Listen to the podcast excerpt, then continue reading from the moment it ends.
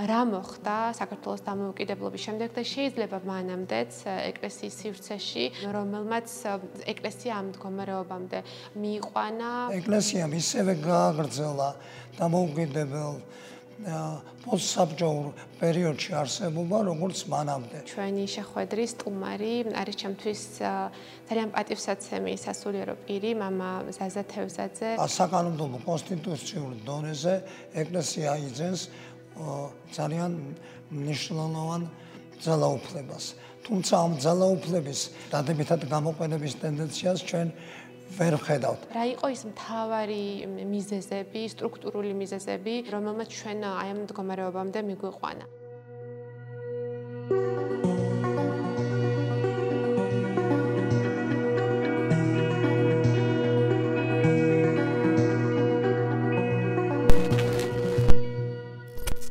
დაკვირვებით ხოლმე 20 საუკუნეში 70-იანი წლებიდან და უკვე დამოუკიდებლობის შემდგომ რა არის ის თავარი მოვლენები ან გადაწყვეტილებები ეკლესიის წიაღში, რომელიც თქვენი აზრით არის დღეს არსებული კრიზისის ინსტიტუციური ან საეკლესიო მიზეზი? მოგესალმებით პირველ რიგში.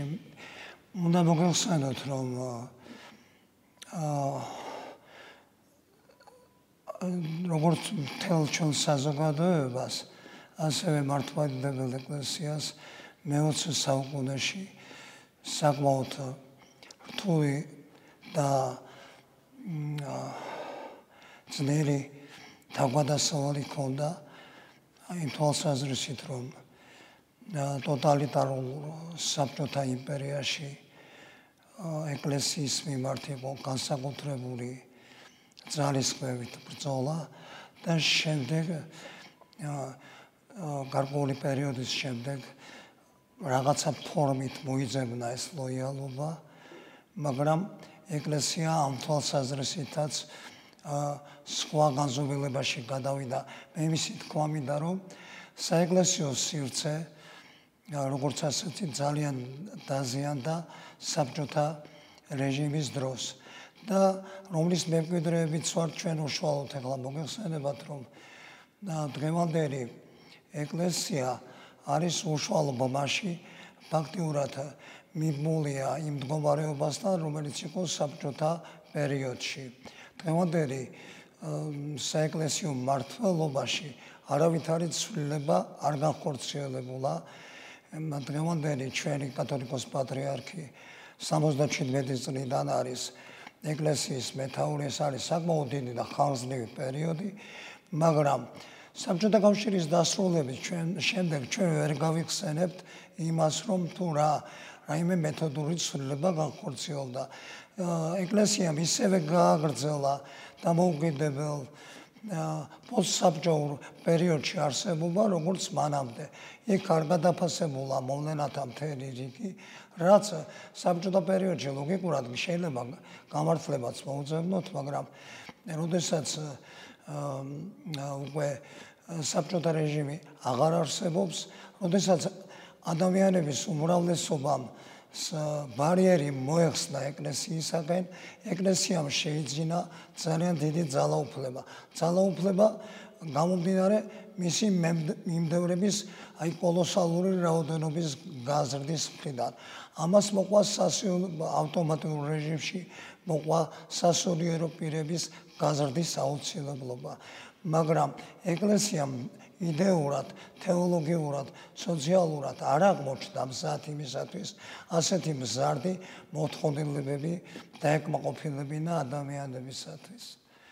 და მოგეხსენებათ რომ აა საეკლესიო ცხოვრება უპირველეს რისად ემყარება სწორედ მოზღვრებით ნაწილს, თეოლოგიურ ნაწილს, ლოგიკურ ნაწილს, რომელმაც უნდა გამიჯნოს, უნდა წარმოაჩინოს რა არის ჭეშმარიტება, რა არ არის ჭეშმარიტი და აზიაროს ადამიანები ქრისტეს ნათელს და ქრისტეს მოძღვრებას და ეს სერიოზული გამოწვევა აღმოჩნდა ჩვენ ეკლესიის წინაშე და ეკლესიამ ასე ვთქვათ ეკლესიას გაუჭერდა აი ამ ყველაფერთან გამკლავება და აი შემდეგ შემდგომ შემდგომ პერიოდს ჩვენ ვერ ხედავთ უკეთესობას თუმცა ეკლესიის მესეურები, მისი იერარქია ცდილობს, რომ ძალაუფლება რაც შეიძლება მაქსიმალურად მოიპოვოს და მყარი გახადოს და ეს ეტაპობრივად ხორციელდება კიდეც და ვღებულობ ჩვენ კონკორდატს ეგრეთ წოდებულ საეკლესიო კონსტიტუციურ შეთანხმებას, რომლის საშუალებითაც საკანონმდებლო კონსტიტუციურ დონეზე ეკლესია იძენს ძალიან მნიშვნელოვან ძალაუფლებას. თუმცა ამ ძალაუფლების მართებულად და მიზანმიმართულად გამოყენების დადებითად გამოყენების ტენდენციას ჩვენ ვერ ხედავთ. იმიტომ რომ ერთი სხვა პოლიტიკოსები ცდილობენ რომ ეკლესიასთან მაქსიმალურად ისეთი ურთიერთობები ქონიონ, რომელთაც გარანტირებული იქნება მათგან ხარდაჭერა, მეორე მხრივ ეკლესია ცდილობს და საეკლესიო პირები ცდილობენ რომ მიიღონ გარკვეული მატერიალური უზრუნველყოფა და ეს გამოიხადა კიდეც ну ერთი სხვა იმითი რომ ამითი ყველა რელიგიური თემისგან განსხვავებით მიიღო განსაკუთრებული უფლებები ამ კონსტიტუციური შეთანხმებით და პლუს ამას საკმაოდ დიდი ფინანსები რომელიც ყოველწლიურად ну აქ აქ არის ლაპარაკი არა მხოლოდ 25 მილიონზე ну ეს ცხადად არის რა თქმა უნდა დაფიქსირებული მაგრამ ის მოძრავი და უძრავი ქონება რომელიც ეკლესია, რომელსაც ეკლესია ღებულობს, ეს გაცილებით მეტ და დიდ რაოდენობას აღწევს. ჩვენ სამართლებრივ სახელმწიფოს ვაშენებთ, სადაც ყველა ადამიანის უფლება უნდა იყოს დაცული, ყველა მიუხედავად სარწმუნოებრივი შეხედულებისა თუ სხვა განსხვავებებისა, ჩვენ ხედავთ, რომ ეკლესია მართლმადიდებელი ეკლესია აღმოჩნდა განსაკუთრებულ პრივილეგირებულ პრივილეგირებულ ადგილას და მისი შეხედულებები ფაქტიურად, იმიტომ რომ როგორც ძალაუფლების მქონე აისახება მთელ რიგ მოვლენებზე. ну, მაგალითისთვის ჩვენ რომ ვთქვათ, როდესაც მიიღებოდა ანტიდისკრიმინაციული კანონი, იქ მონაწილეობდნენ განსაკუთრებულად აგრესიული ჯგუფები ეკლესიის, ну, არა ყველა, მაგრამ როდესაც ეკლესიას წარმოადგენს რომელიმე ჯგუფი და რომელზეც მართლმადიდებელი ეკლესიის ადმინისტრაცია დუმს ან არა პროტესტებს, ანუ გამოხატავს, ანუ თანხმობაშია და მათი მოქმედება შეიძლება ცალსახად აღვიქვათ როგორც საპატრიარქოს ანუ საქართველოს მართლმადიდებელი ეკლესიის მიზანდასახულობა ის რომ 13 წლის 17 მაისი სწორად მახსოვს თუ როგორ მოხდა დაპირისპირება კონსტიტუციურად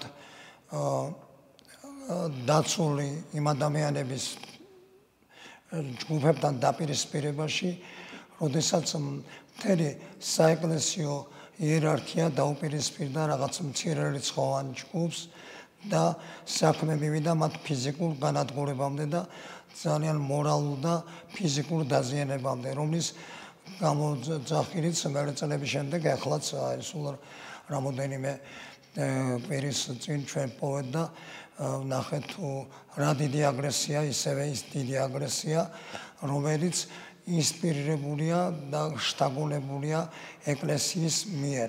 და აი ასეთი მიზანმიმართული დაპირისპირება ცივილურ სამყაროთ ცივილურ სამყაროთა ოჯახთან დასავლეთთან, საერთოდ ევროატლანტიკურ კულტურასთან და საერთოდ ევროპულ ცივილიზაციასთან, რა თქმა უნდა, ეკლესიის მიერ ეს არის სერიოზული განაცხადი და დაპირისპირება, რომელიც არ შენელებულა და დღესაც აგრძელებს არსებობას. მამიზეზე, თქვენ თქვენი პირადი ბიოგრაფია გაქვთ, ხო, როგორც მღვდელს და საინტერესოა თქვენ ცხოვრებაზე დაკურვებით თუ გაგვიზიარებთ თქვათ რა იყო როგორ იყო ის რეალობა რომელიც თქვენი მოღვაწეობის პირველ წლებში დაგხვდათ ეკლესიაში და ეტაპობრივად რა სირთულეებს აწყდებოდით?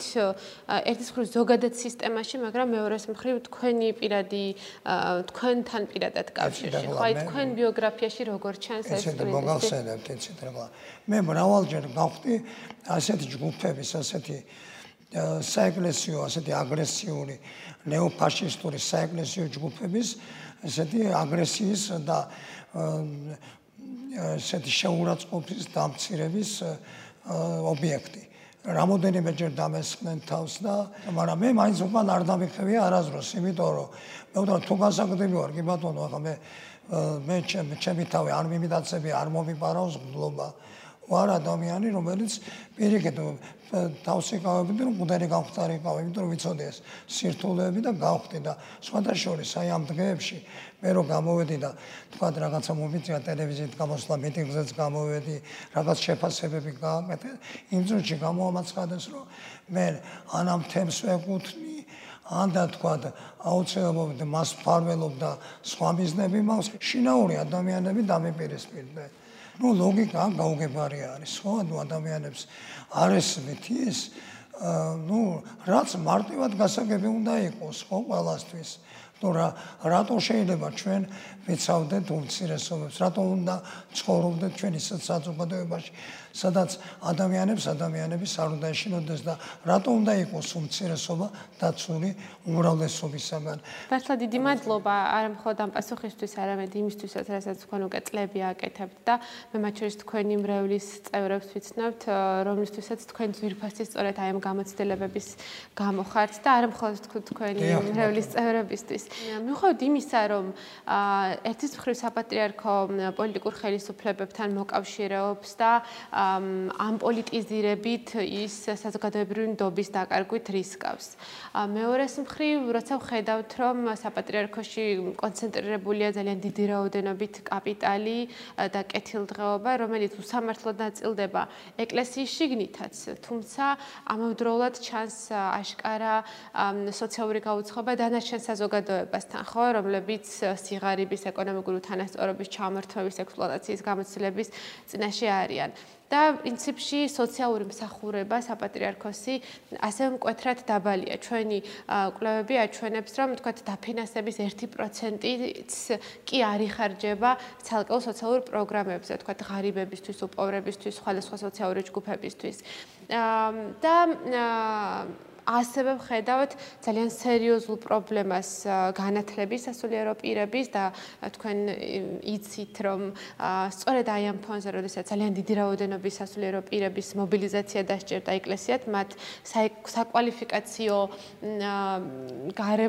წინაპირობებიდან მათ შორის თეოლოგიური თუ სხვა შესაბამისი განათლების პირობა ამოიღეს და ამდენად ისინი თქვა საზოგადოებისთვის იგივე საგანმანათლებლო რესურსების მიტანის და წარმოების მიზანსაც ვერასრულებენ. ამის მიუხედავად ჩვენ ვხედავთ, რომ წლიდან წლამდე საპატრიარქოს მხარდაჭერა არ არ მცირდება და პირიქით რაღაცა ტენდენცია რომ ეს არის მზარდად მაღალი. მართალია ამ დობის ძირითადი პირობა თავად პატრიარქს მიემართება, თუმცა გარკვეულწილად ასევე მნიშვნელოვნად თავად ინსტიტუციასაც. თქვენი აზრით ერთი ის მხრივ რა არის ის ძირითადი იდეოლოგიური ჩარჩო? აა ხო ის ეთიკა რომელსაც საპატრიარქო იყენებს და აკულტივირებს საზოგადოებაში და მეორე მხრივ რა არის ის სოციალური მიზეზები ის ღრმა მიზეზები რომელიც ამგვარ ამგვარი ნდობის წინაპირობაა ცოტა უცნაური კი არის მაგრამ ნდობის მოპოვება როდესაც აა ადამიანი ან ინსტიტუცია ან ჯგუფი ადამიანთა ჯგუფი მოიპოვებს ამას ჭირდება თიძალი შრომა ხვაწრი რო ეს შრომა ეს ნდობა მოიპოვოთ და მე წეგან თქვი ანუ როდესაც საბჭოთა კავშირის დროს იყო ძალიან დიდი პრესი ეკლესიაზე და როდესაც ეს მოიხსნა ადამიანებმა თავისი ნუ განსაკუთრებული ბუნებიდან გამომდინარე ეკლესია ღმერთთან არის დაკავშირებული და ღმერთი არის ეგზისტენციალურად დაკავშირებული ადამიანთან და როცა ადამიანი ღმერთის სახელს ისმენს და საერთოდ რელიგიურ პირველ წყაროებზე საუბრობს, აქ ექცნება ძალიან დიდი ნდობის ფაქტორი და შეიძლება ეს იყოს ყოველგვარი დასაბუთების გარეშე. ანუ უპირობო ნდობა. მე ამ უპირობო ნდობას ვხედავ და კიდევ ამობ რომ ამ უპირობო ნდობამ განსაკუთრებულად შეიძლება ამობენ რომ ჩვენ ჩვენი პატრიარქი მიყვარს ძალიან უსაზრო და უსაზრო. უსაზღროდ სიყვარული, უპირობოდ სიყვარული, ახლა პირობაში მე გულისხმობ იმას, რომ ადამიანებმა მხოლოდ და უპირობოდ სიყვარული არის გაუმართლებელი, იმიტომ რომ შესაძლოა ძალიან დიდი ზიანი მიაყენოს შეყვარებულსაც და შემყვარებულსაც. ამიტომ დაემორჩილეთ ღმერთს, დაემორჩილეთ წმინდა სიტყვას, რომელიც ამბობს, რომ თუ იქნებით პასუხისგებლად, უპირობოდ, ურავის ნუ მიიღებთ, ნუ გამოაცხადებთ, არამედ გააკეთეთ ყველა სული გამოსადეთო წერია წმინდა წერილში, ვინ ვინ არის, როგორ არის, რანაირად არის და იმის შესაბამისად გააკეთეთ ყველაფერი. ეხლა ის რომ აი ჩვენ რას რას ვაცდა, აი უბრალოდ პატარა რამ რო გავაანალიზოთ, ხო? სოციალური მსახურება არის ერთ-ერთი უმთავრესი ნაწილი ეკლესიის. რა თქმა უნდა, მასზე წინ დგას სიტყვის და თეოლოგიური მსახურება და სულიერი, მაგრამ მისი შედეგი არის სოციალური მსახურება. როდესაც ჩვენ ხედავთ აი ხო წარმოიდგინოთ რას? უკონტროლო სრულიად უკონტროლო სიტუაციას. ის ფული, რომელიც ხალხის ჯიბეებიდან არის ამოგებული, ეს ხალხი ჯებებიდან გადასახადებიდან რომელსაც სახელმწიფო ეს არის სეკულარული სახელმწიფო ეს არ არის მონარქია და თქვა რაღაცა იმაზე აი ამ საეკლესიო და რელიგიურ კონცეფცია აგებული თქვა. არამედ აგებული არის სეკულარულ იდეებზე ხო შეთანხმებებზე და ასე შემდეგ. და მისია იმ თანხის გადარიცხვა ხდება გარკვეულად მოხალხეთა თანხმობის გარეშე. მაგალითად თქვენ გადაავლენთ საეკლესიო მაღაზიებს. თვალყურს ხო? იქ არც ერთი საკუთარი არ იბეგრება ვის ჯიბეში მიდის ეს აი სადგურდება სადაგირიცხება ვერა კონტროლებს ამას. ამით ხო არ სარგებლობს მავალი. ნუ თუ ამ კითხვის დასმის უფლება წაღარ გვაქვს ჩვენ მხოლოდ და მხოლოდ განათლებაზე ხარჯავთ ამ ფულსო ну არ ვიცი რაში ხარჯავენ და როგორ შეიძლება განათლებაზე მხოლოდ თქვა როცა ადამიანი ოჯახში ბიუჯეტია ნაწილს განათლებაზე ვხარჯავთ, ნაწილს ჯანდაცვაზე ვხარჯავთ, ნაწილს რაღაცებზე ვხარჯავთ, ხო? როგორც გვაქვს, იმის მიხედვით ვანაწილებთ და ასეთი კატეგორიული უარი, რომ სოციალურ მომსახურებაზე უარი ეთქვას ადამიანებს, ქრისტიანებს და ქრისტიანული მოტივით ჩემთვის გაუგებარია, იმიტომ რომ სოციალური მსახურება ერთ-ერთი ყველაზე მნიშვნელოვანი მსახურება და მისი ფინალური აკორდიც არის აი ქრისტე, როცა გაასამართლებს სამყაროს ამბობს, რომ შეერი ვიყავი და მაჭამეთ საპრობილაში ვიყავი და მომენახულეთ. შიშველი ვიყავი და შემოსეთ მე და ამას გულისხმობს ადამიანების მიმართ გაწეულ ასეთ ზრუნვალებას თითოეული ადამიანის მხრიდან. იმიტომ რომ ყველა უპოვარი ყველა დაუცველი ადამიანი არის ქრისტეს სამიზნე. იმიტომ რომ უპოვარობა და დაუცველობა არის სოდის შედეგი. აი ასეთი არათანაბარი გადანაწილება წინ მილიარდები და თქვა ადამიანები რომელიც ნაკავში იქნება თავი და თავისთავად არის ცოდვის დასტური იმიტომ რომ მსგავსი უთანაბრობა არ შეიძლება ღმერთისგან იყოს. ჩვენ ხშირად საუბრობთ ხოლმე საპატრიარქოს შიგნით კრიზისზე თუმცა აქვე ალბათ უნდა ნამდვილად ითქვას ის რომ ჩვენ ყავს არაერთი სასულიერო პირი რომელიც ძალიან მნიშვნელოვან ღვაწლს წევს ეკლესიის შიგნით რომელსაც საკუთარი სამრელოების დონეზე შეიძლება საინტერესო სოციალური მსახურების გამოცდილებებიც ქონდეს და ბუნებრივია რომ არ ვეხებით ამ მსჯელობაში მრევლის შიდა მხარეს ხო ის თუ ეგზისტენციურად რას ნიშნავს? მათთვის საეკლესიო ცხოვრება მათი პირადი ფილოსოფიური გამოცდილებები რელიგიური გამოცდილებები როგორია?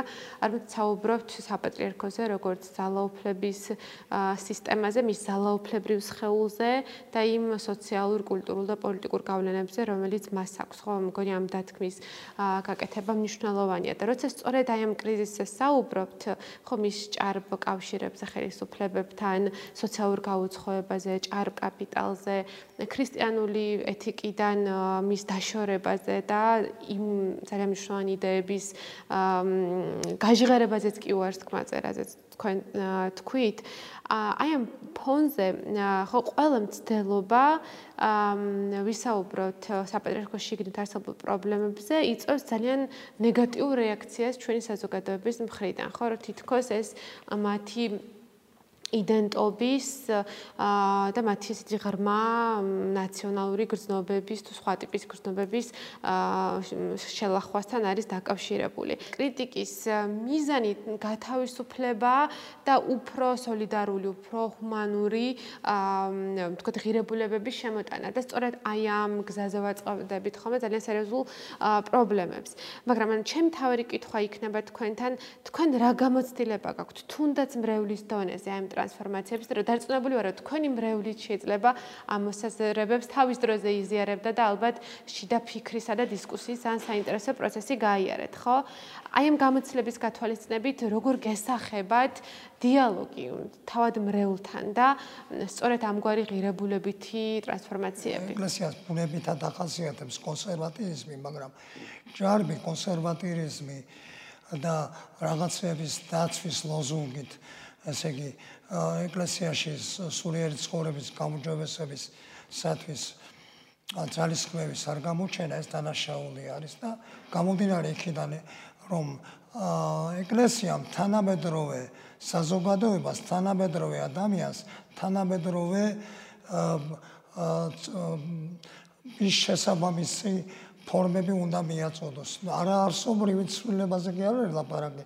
აქ არის ის რომ სათქმელი ითქვას თანამედროვე ადამიანისათვის გასაგები ენით და აი ეს მომენტები არის ის რომ ხშირად ხდება სპეკულაცია საპატრიარქოსებით თქვენ თუ დააგვერდებთ ჩვენ პოლიტიკოსებს უმეტესობა ენას იჩლებს ხოლმე როდესაც პატრიარქზე და საპატრიარქოზე შეიქმნება ლაპარაკი. ეხლა თქვენ ახსენეთ რელიგიური ნაციონალიზმი. და რელიგიური ნაციონალიზმი ძალიან სახიფ ხათომოლენა და მწვალებლობათ არის შეფასებული ეკლესიის მიერ, მას ქვია ფიდეტიზმი, როდესაც ნაციონალური იდეები ძალიან წამყვან ადგილს იკავებენ ეკლესიაში და ეს არ არის ჯანსაღი მდგომარეობა. და მსგავსი იდეები ჩვენ აი ნახავდით, ახლა სამედირო დღეს არ ჩანს, მაგრამ იყო ლოზუნგების ზონაზე იყო ქართლო ერთად ღვთისაკენ და რომ ქართველები გამორჩეული არის სამთავრო ღვთისმშობლის წილქვედრია, განსაკუთრებული ერია, განსაკუთრებული მესიანიზმი, ან ძალიან ბევრი მომენტებია, რომელიც უნდა იქნას გააზრებული, მაგრამ ვერ ვიტყვი, რომ აი ჩვენი საეკლესიო სივრცე, საზოგადოება, რომლებიც 83 თუ მეტი პროცენტი ამბობს, რომ მე მართლმადიდებელი ვარ, ესე იგი, მრედი ვარ, სორათავს როლებს და სორი ქრისტიანია. მეც ვაწვეთყვი, ვერავით არ გამოცდას ვერ ჩააბარებენ რომ დღეს დაინიშნოს მსგავსი გამოცდა და იესო ქრისტე მოავლინოს გამოცდები უმეტესობა დარჩება დაზრის მიღანუ კედლებს გარეთ იმიტომ რომ ისინი არ შეესაბამებიან იესო ქრისტეს და მის მოძღვრებას თუმცა ამ წოდნის კულტივირება თავად საპატრიარქოს მხრიდანაც არ ხდება და პრინციპში განათლების სერიოზული კრიზისი სასულიერო პირების დიდ ნაწილშია ხო? კი რა თქმა უნდა ახლა ის რომ განათლება დღეს საბედნიეროდ უნდა ითქვას და საბჭოთა კავშირის დასვლის დღიდან ხელმისაწვდომი გახდა, იმიტომ რომ ადამიანებს შეეძლო აი მეცეგან ეკუმენური ორგანიზაციები მოდიოდა უამრავი სტიპენდიები საბადრიარქოში. ოღონდ ესწავლა და წასულიყო ვინმე რომელიმე უნივერსიტეტში და მიიღო მაღალი თეოლოგიური განათლება. ამის საშუალებები არსებობდა და დღესაც არსებობს. ოღონდ ერთი რამ უნდა იყოს, რომ აი ამ სწავლა განათლების მიმართ უნდა იყოს გარკვეული ესეთი მოწოდება, წახალისება ახალგაზრდობის, რომ განათლება არის ძალიან მნიშვნელოვანი და მე მეცი თქვა მინდა ეს გამოვჭა, იმიტომ რომ ჩვენ ყავს ძალიან ცუდი ჭtildeოელი მეზობელი. რომელთა რომელსაც აქვს ესეთ ვერ ვიტყვი რომ საქართველოს ეკლესია თავისუფალია მისგან მისი საცეცები წוდება ყველა მართლმადიდებელ ეკლესიას და ძალიან მავლებლური ზემოქმედობა ქრისტიანულ ოიკუმენეს, ანუ სოფლიოზე. და ის ცდილობს, რომ მიიღოს თავისი ჰეგემონი როლი, ჰეგემონის როლი, როგორც ყველაზე მრავალრიცხოვანმა სახელმწიფო, რომელიც მართლმადიდებელ, რომელსაც მართლმადიდებელი მრევლი ყავს და ასეულ მილიონზე მეტია ეს მრევლი. ამდენად ეს გავლენები არის ძალიან დიდი და უარყოფითი საქართველოს. ეს იყო რევოლუციამდე, რევოლუციის შემდეგ საბჭოთა კავშირის დროს და საბჭოთა კავშირის შემდგომ პერიოდში და დღევანდელ დღეს გრძელდება ეს ურთიერთობები და ახლა ერთი ერთი ძალიან მსხვილი ნაკადი ჩვენი დაზიანების და ჩვენი ტოქსიკური ვერის არის ჩtildeოეთი მეზობლის უარყოფითი გავლენა ქართულ საეკლესიო და ზოგადად ქართულ კულტურულ და პოლიტიკურ სივრცეზე. ამ სირთულეების მიუხედავად, ხო, როცა საუბრობს ძალიან ძიმე ისტორიულ ყველაზე და ალბათ სწორედ საბჭოთა ნაციონალიზმი არის ერთ-ერთი მიზეზი იმისა, თუ დღეს როგორ ესმის საკუთარი რელიგიურობა საპატრიარქოს, ხო ეს ჭარბი კავშირები პოლიტიკურ ხელისუფლებასთან და უსაფრთხოების სამსახურების ასევე გავლენები საეკლესიო და რელიგიურ ორგანიზაციებზე ხო იგივე რუსეთთან და რუსულ პრავოსლავიასთან ხო პოლიტიკურ პრავოსლავიასთან როგორც ამავე რუსულ მართლმადიდებლობასთან ასეთი კულტურული კავშირებიც ხო იმიტომ რომ ეხლა მეც რო ვაკვირდები სასულიერო პირების რაცა დიდი ნაწილი იმ წყაროებს რომელსაც იყენებენ განათლებისთვის სწორედ რუსეთის საეკლესიო სივრცეები ბიდან მიღებული წყაროებია ხო სხვა სხვა ტექსტები თარგმანები ვიდეო ლექციები თუ ასე შემდეგ და ეს კულტურული კავშირებიც თუ ინტელექტუალური კავშირებიც უფრო ძლიერია. აი ამ ფონზე თქვენ სათხედავთ გამოსავალს.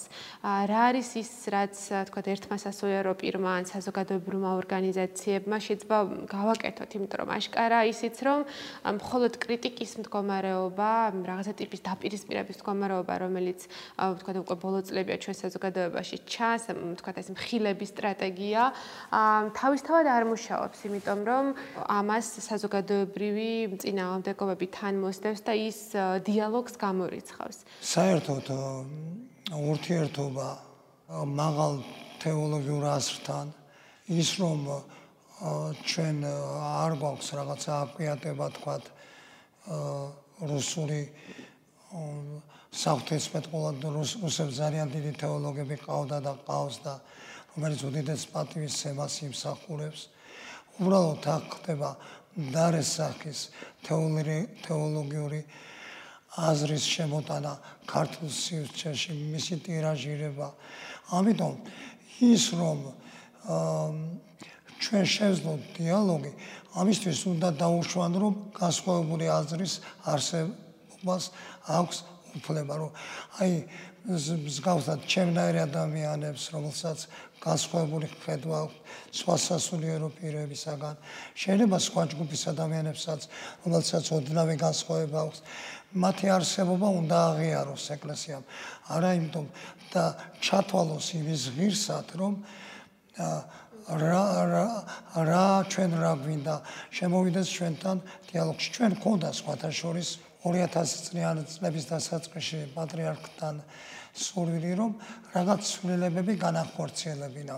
მაგალითად აღდგარიყო გაფართებული გაფართოებული საეკლესიო საბჭო, სადაც სინოდის წევრების გარდა საზოგადოების ფართო სპექტრი მიიღებდა მონაწილეობას.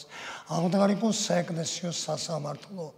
შემდეგ ვინდოდა ასევე რომ რამოდენიმე საბრალო ყოფილიყო, სადაც იქნებოდა თანამედროვე ენაზე ღვთისმსახურება.